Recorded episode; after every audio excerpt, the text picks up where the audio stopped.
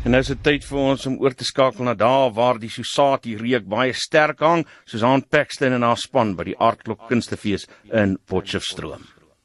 Dankie Isak, pas gehoor van iemand wat 'n lewer Susati gekoop het. So as jy hou daarvan, gaan maak gerus 'n draai hier op die feesgrond.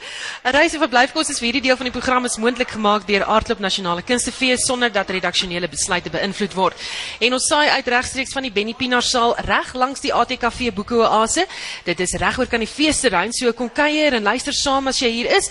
Anders as jy iewers anders as Potchefstroom is, gaan kyk op www.facebook.com vorentoe skynstreep ZARSG of volg ons op Twitter by Mondspek1 om te sien wat alles hier gebeur. En ons begin met musiek. Die bekroonde gitaarduo CA2, Dirkie van Staden en Corneille Hutton is hier op die verhoog. Gitaar in die hand, reg vir aksie. Ek sien julle vingers al warm gespeel. Baie welkom. Um, ons verstaan julle vertonings by die fees is effens meer as bloot twee mans en hulle gitare. Definitief. Um, wat ons hierdie jaar vir die mense gee is basies vier op die verhoog. So ons het Spaanse dansers, die van twee Spaanse dansers van Pretoria en ons het fire dansers. So vir die eerste keer het Aardklop is daar regte vier in die Elgrou Hotel vanaand 8uur en môre 10uur. Ah, sy. So ons kyk net vir Frik reg is daar met die klank. En uh lyk vir my ja, daar's hy. Nou ehm um, wat gaan julle vir ons speel? En ek speel vir een van ons eie kompetisies wat ons ook vanaand gaan speel. Dit gaan vir die luisteraars 'n baie goeie idee gee van wat hulle kan verwag by ons vertoning saam met die Montoyas en die Fire Gypsies. Ons sê mikrofoon is Jennison. Daar sê, kom ons gooi.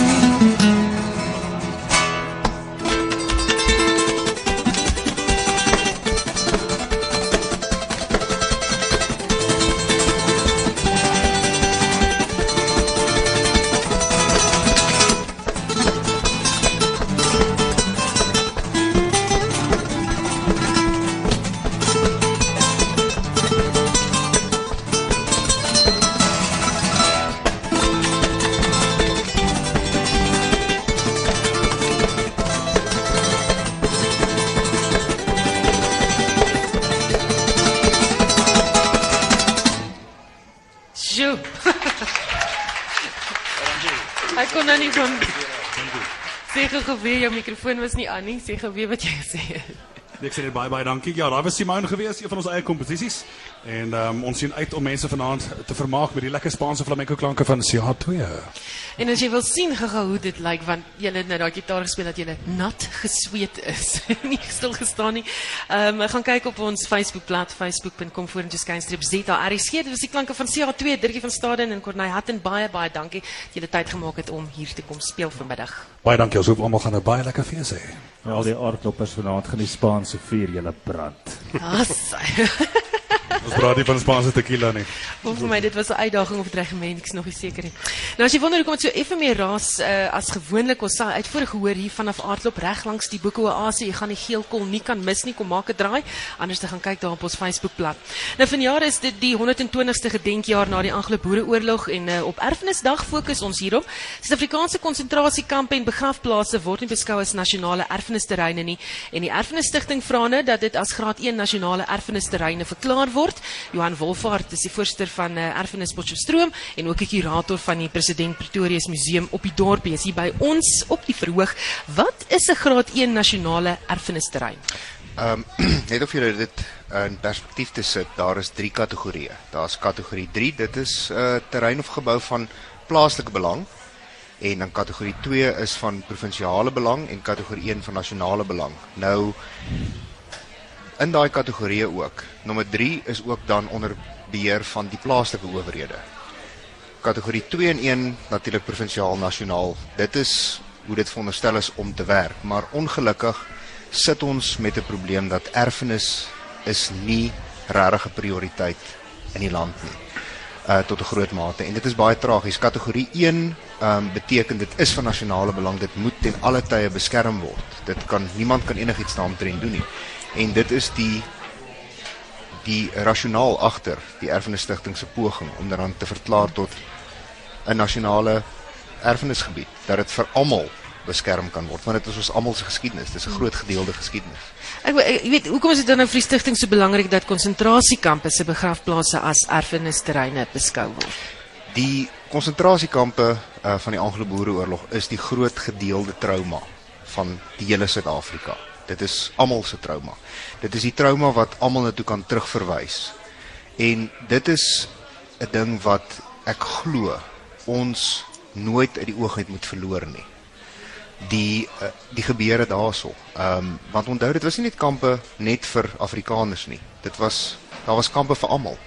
Elke liewe bevolkingsgroep in hierdie land het swaar gekry weens hierdie uh uh um konsentrasiekampe van die Britse uh, Britse weermag. So dit is 'n baie belangrike ding wat ons nooit ooit moet vergeet nie want dit is die een groot gedeelde erfenis.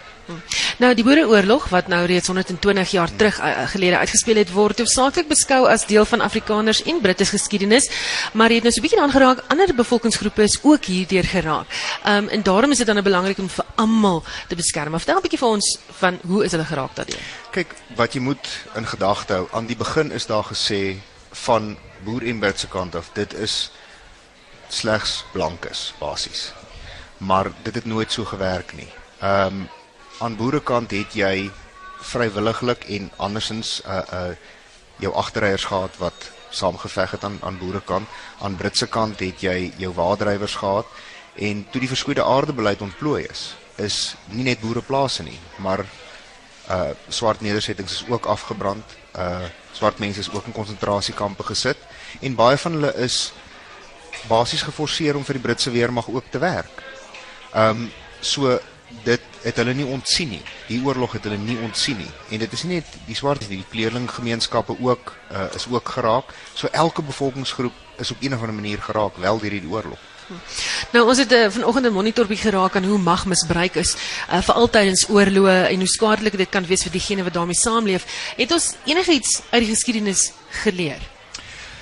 Weet jy wat dis nou ongelukkig die tragiese ding is dat ehm um, ons wat in die geskiedenis werk ons ken die storie. Ons weet wat aangaan. Ons sien dit uitspeel, maar daar is nog baie lesse wat ons kan leer. En ons moet ten alle tye die geskiedenis voor oë hou om te sien, maar hierdie het al gebeur en ons weet wat gaan gebeur en om dit nie weer te doen nie of om 'n ander rigting in te slaan. En dit is een van die groot belange hoekom erfenis en geskiedenis bewaar moet word in alle tye. So net 'n laaste vinnige vraag. Ehm um, jy weet hoe gaan julle die regering oortuig dat hierdie plekke moet nou verklaar word as graad 1 erfenisstigtings? Kyk van die erfenisstigting se kant af het hulle ehm um, gevra dat die uh, in die verklaringsproses moet die publieke insaai en daar is al amper 3000 mense wat op Facebook gereageer het en gesê het hulle is bereid om te stem om deel te wees van die insaaproses dat dit verklaar word tot nasionale gedenkwaardighede. So dis al baie goeie stap in die regte rigting. Nou is dit om met die regering te gaan sit en te praat en te sê, "Goed, ons wil graag dit verklaar kry tot nasionale gedenkwaardighede en dan wil ons besit moet die pad vorentoe." Baie dankie dat jy ingekom het. Johan Wolfaart is die voorsitter van Erfenis Potchefstroom en ook die kurator van die President Pretorius Museum op die dorp as jy hier is gaan maak gerus 'n draai terwyl jy aardklop.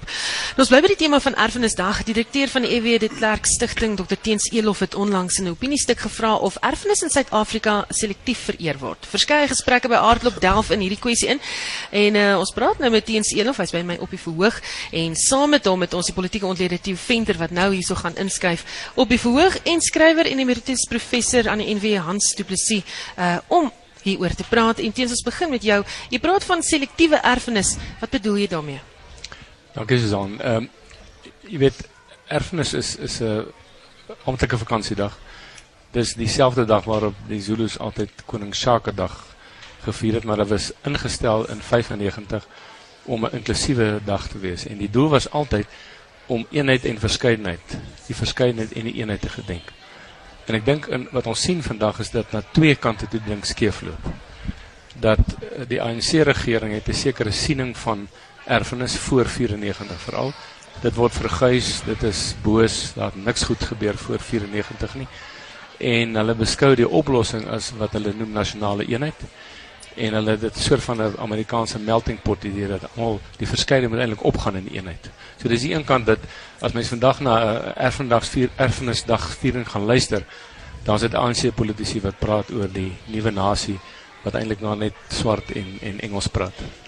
Uh, die tweede probleem is dat ons in reaksie daarop het baie Afrikaners en Afrikaanses wat eintlik terugtrek in hulle eie kokon en sê nou ja, ons sal net ons erfenis vier en ons braai vleis en weet te hel met die res. Braai dag. En ek dink dis dis beide is is is verkeerd.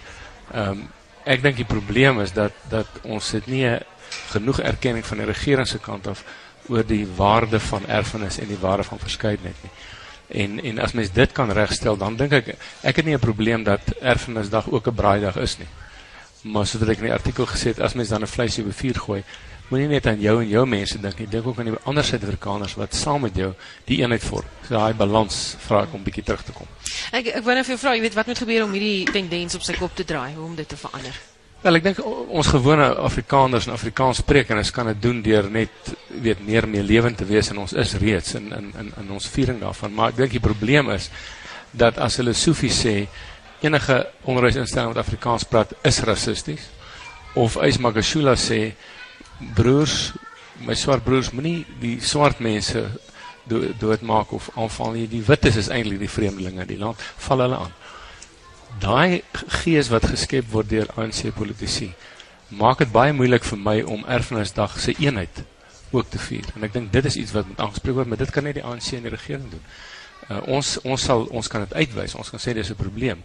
Maar dit moet 'n inklusiewe erfenis wees. Uh, as ek so 'n bietjie ter plaatse net vinnig kan sê die die NWI uh soos se bestuur het hierdie uh ek dink dom besluit geneem om nie aan die 150 jarige feesvierings van die voormalige PVCAO in die Potchefstroom kampus deel te neem nie omdat hulle sê hulle leef nie in die verlede nie. Wat is erfenis anders? En tweedens omdat hulle sê een senior persoon het gesê wat hom betref is dit nie uh tyd vir feesvierings dit tyd van berou en belydenis. Nou dit misken die erfenis van letterlik 10000 alumni van hierdie universiteit wat daardie tyd van 1869 tot 2004 toe die samestelling gebeur het as iets kosbaars ervaar het wat nie sonder foute was nie niemand sê dit nie. Maar om gewoon te sê dit dit hoort soos die regter Jafta gesê het in die asblik van die geskiedenis. Ek dink dis die probleem. So dit is nie net die ANC regering nie. Nader aan huis hier op Potchefstroom gebeur maar dieselfde Goed, ons gaan nou verder gesels met ehm um, die venter en eh uh, Hans professor Hans Strydom of die presies kies hierso langs my daaroor. Ehm um, jy moet vinnig weer hardloop sien ek dit is nou al kwart voor. Dit was die direkteur van die EW de Klerk Stichting Dr Teens Elof. Baie dankie dat jy vinnig met ons kom gesels het.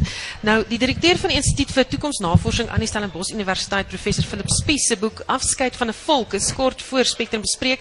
Hy moes intussen 'n vlug haal. Matthieu, ehm um, jy was daar. Wat baie sterk uitgekom het is die rol wat 'n uh, regeringsideologie en strukture daarin speel om verandering teen te werk en dis ook iets wat ons nou gehoor het mm. uit uh, teens se gesprek. Ja, een van die eerste boekbesprekings wat ons vanoggend gehad het was Philip Spies se boek. Hy was voormalig direkteur van die Instituut vir Toekoms ehm um, Navorsing by Stellenbosch en hy het in die boek probeer uitwys wat het na 94 skeef geloop, maar dan ook aan die einde van die boek, wat moet 'n mens doen as jy hier bly, jy wil hier oorleef en jy wil hier 'n konstruktiewe bydrae maak. So aan die begin van die boek so 'n bietjie die donker prentjie en dan hier in die middel van die boek wat se planne en aan die einde meer praktiese soort voorbeelde. En uh, die die kwessie van taal, kultuur en ehm um, dit wat teens oor gepraat het, het alles in die gesprek na vore getree. En die vraag natuurlik ehm um, wat 'n mens ook moet vra is wat is die hekkies? Wat 'n goed ver, verhoed dat daar 'n makliker gesprek kom. En dit is nie net een rigting verkeer nie. Daar is daar is ehm um, die die die Engelse het vir so mooi uitdrukking gegee takes two to tango. Hy skryf in sy boek erns iets wat die Afrikaner ook kan doen om homself meer in 'n in 'n gemaklike posisie te plaas is ons word baie keer as arrogant beleef. Ons was die ou orde. Ons het in die ou dae geregeer. Ons het antwoorde op alles. As mens daai ding so klein bietjie kan temper en die het antwoorde op alles verander na is dit nie dalk. Dan is so 'n klein bietjie meer voorlopig kan ons ook baie help. Mm. Um, hy het genoem ook die bou van Soltech, 'n private tersiêre instelling met slegs Afrikaanse taal van onderrig het juis heel wat reaksie ontlok. Onder meer van die Gauteng ALR vir onderwys Panjasa Lesofie. Ja, ek dink dis een van die swakker aanstellings wat die ANC in Gauteng gemaak het. Ehm um, kom ons kyk net na die beginsel. Privaat universiteite bestaan al lankal. En wat is dit as jy 'n privaat universiteit is? Dis nie net uh, Soltech nie, daar's verskeie ander. Monash en uh, jy kan dit klomp noem. Privaat universiteit kry nie hulp van die regering af nie. As jy nie hulp van die regering af kry nie, dan en jy kom die grondwet na, dan jy in beginsel dan is daar niks wat jy verkeerd kan doen nie.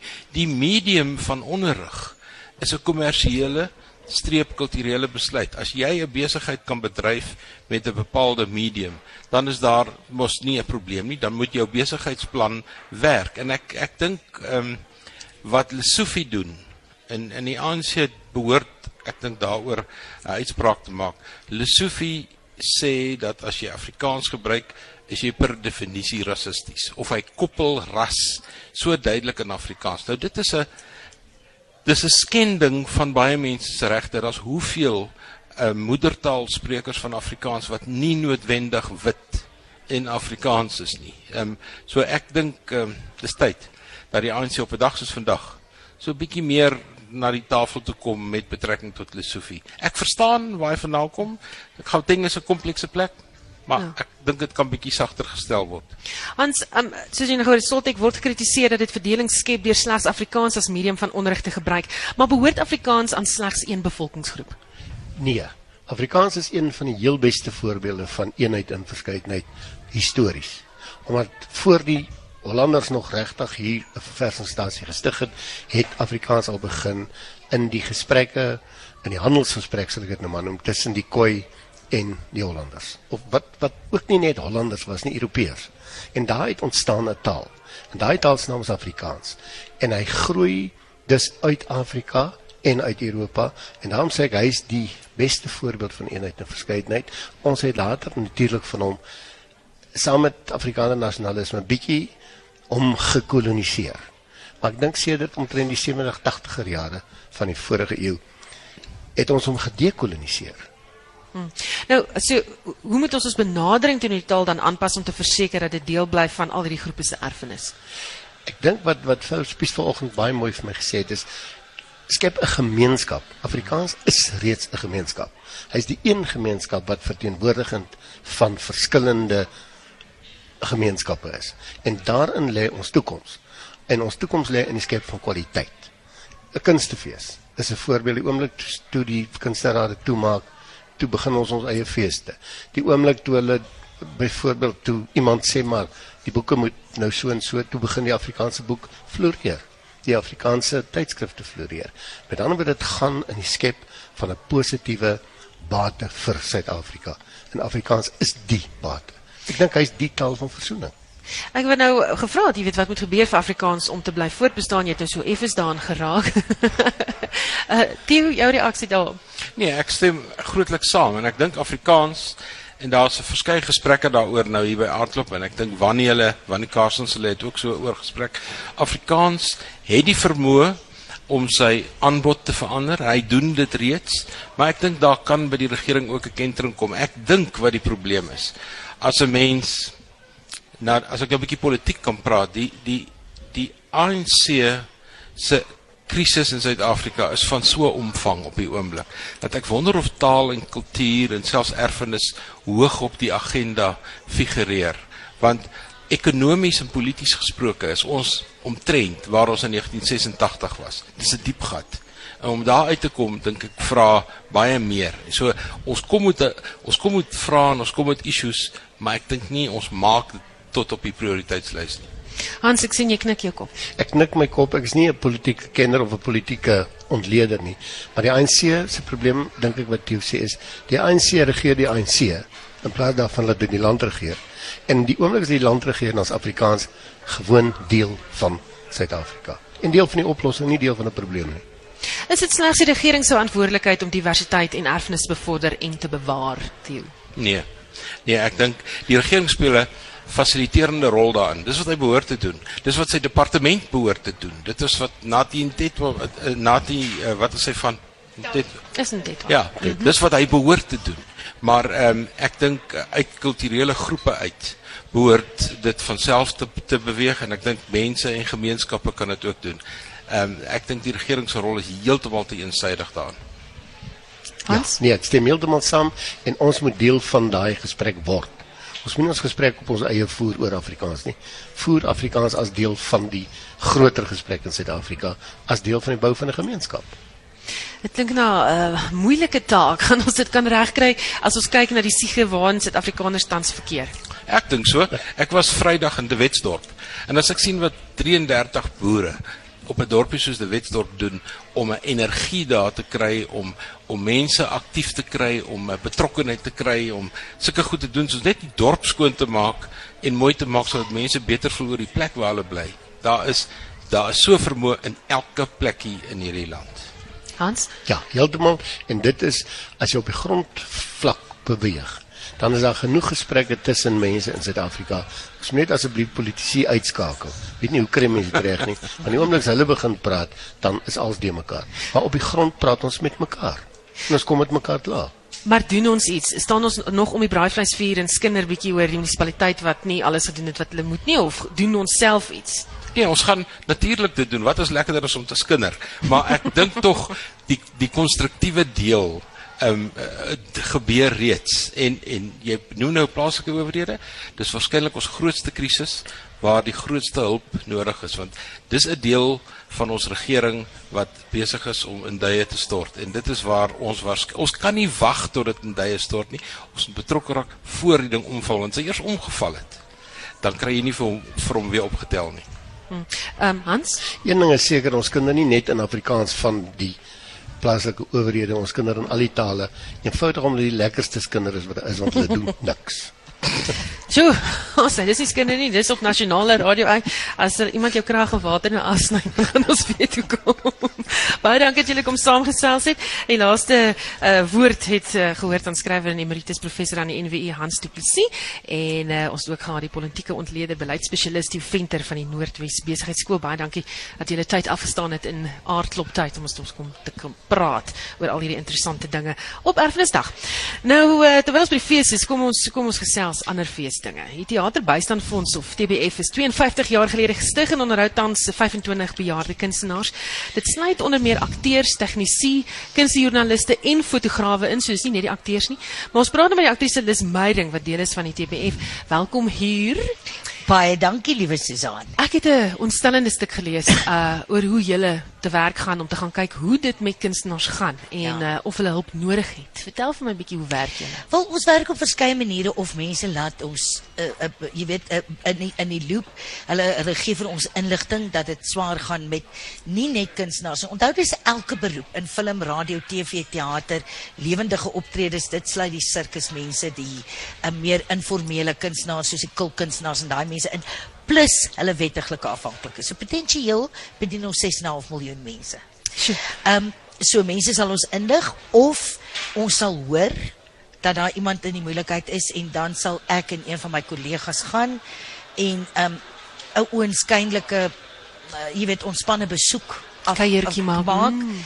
en terwyl my kollega die persoon besig hou sal ek gaan kyk in die kaste of daar enigstens kos en proviant is en meerendeels sal daar 'n blikkie honde of katkos wees en dan het die persoon nie eers 'n troeteldier nie Sjoe. dit So, is so sleg dit gaan so julle met die saak met baie sensitiwiteit baie behandel. sensitiwiteit. Daarom sal ons ook nooit bekend maak wie ons help nie. Het sy bekend of onbekend. Onthou kunstenaars is 'n baie klein deel daarvan. Want kunstenaars is in wese 'n- statisties 'n kleiner deel van die beroep. Die kreatiewes. Daar's al die ander mense op wie se skouers ons staan in die bedryf. Sê vir my, die dinge nou al verbeter vir kunstenaars uh sodat hulle kan langtermynbeplanning doen. Ek dink mense is baie meer bewus daarvan. Want mense sal vir my dikwels sê, "Maar hoekom het veral die vorige era die ouer mense nie vir hulle self gesorg nie?" Ek het vir 'n forensiese ouditeur wat werk met die geskied, geskiedenis van Suid-Afrikaanse finansies gevra om dit vir my na te vors. In die laat 70er jare was die standaard salaris blykbaar vir 'n blue collar werker R700 'n maand en was die standaard salaris vir iemand in die kunste R90 'n maand. Hulle kon dood eenvoudig nie geld wegsit nie. Ons deel van die teaterbystandsfonds se hulp behalwe die ehm um, bejaardehulp, siekehulp ehm um, en begrafnishulp is en 'n baie belangrike ding is ek alleen doen 9 gratis werkswinkels 'n jaar met verskeie experts wat ek intrek om vir mense te leer hoe om die bedryf van die bedryf te bedryf watter beroep jy ook al daarin doen. En daarom sal ek byvoorbeeld finansiële experts inkry wat nie vir mense polisse of goed verkoop nie. Dis nie hulle gratis platform nie, maar om mense daai beplanning te leer. Want die beste dag sal wees as niemand die teater by Samfonds nodig het nie. Hmm. So ons werk baie sterk op entrepreneurskap, prakties, doelgerig, gefokus op entrepreneurskap. Hmm. Maar intussen moet ons help. Ja. En ons is baie versigtig. Dis 'n baie gekompliseerde vorm wat moet ingevul word. As die mense dit nie self kan invul nie, dan kry ons iemand om by hulle te gaan gaan sit. So ons vors dit baie fyn na. Ons ons, ons kan uit- in wese nie net sommer geld gee nie. Ons kry nie 'n sent van die regering of enige ander organisasie nie. Dit is 'n geregistreerde openbare welwillendheidsorganisasie met 18A belastingaftrekking. Ons is saam met Destiny Mobile Spa hier op, die feesterrein met 'n stalletjie. Daar's ook die TBF langtafel wat danksy Aardklop Ry Barnard van Anys en Black Orchid aangebied word in Bolandwyne en 'n klomp mense is betrokke wat genadiglik uitverkoop is. So ons moet daadwerklik uh, jy weet publisiteit doen, maar ons geld gaan direk vir die begunstigdes. So ek moet daai publisiteit en bewusmaking doen op 0 rand en 0 sent. Sjoe, ja, klink vir my nou baie hard werk, maar soos jy sê, mense kan hier op die terrein gaan rondloop en fyne daar kry. Ons het 'n SMS-lyn, ons het 'n SnapScan kode, ons het jy weet bankrekeninge en so aan. En kyk, kom ons wees realisties, mense kry swaar. En dis nie die enigste bedryf waar mense swaar kry. Ja, Ek, dit sy- weet ek ook. Dit weet ons ook. Baie dankie Liz Meyering, aktrise en lid van die TBF, gemaak 'n draai op die feesterrein by hulle. Reis en verblyfkoste is vir die deel van die program is moontlik gemaak deur Aardklop Nasionale Kunstefees sonder dat redaksionele besluite beïnvloed word. Ons groet namens die span hier by Aardklop. My naam is Susan Paxton. Geniet jou middag.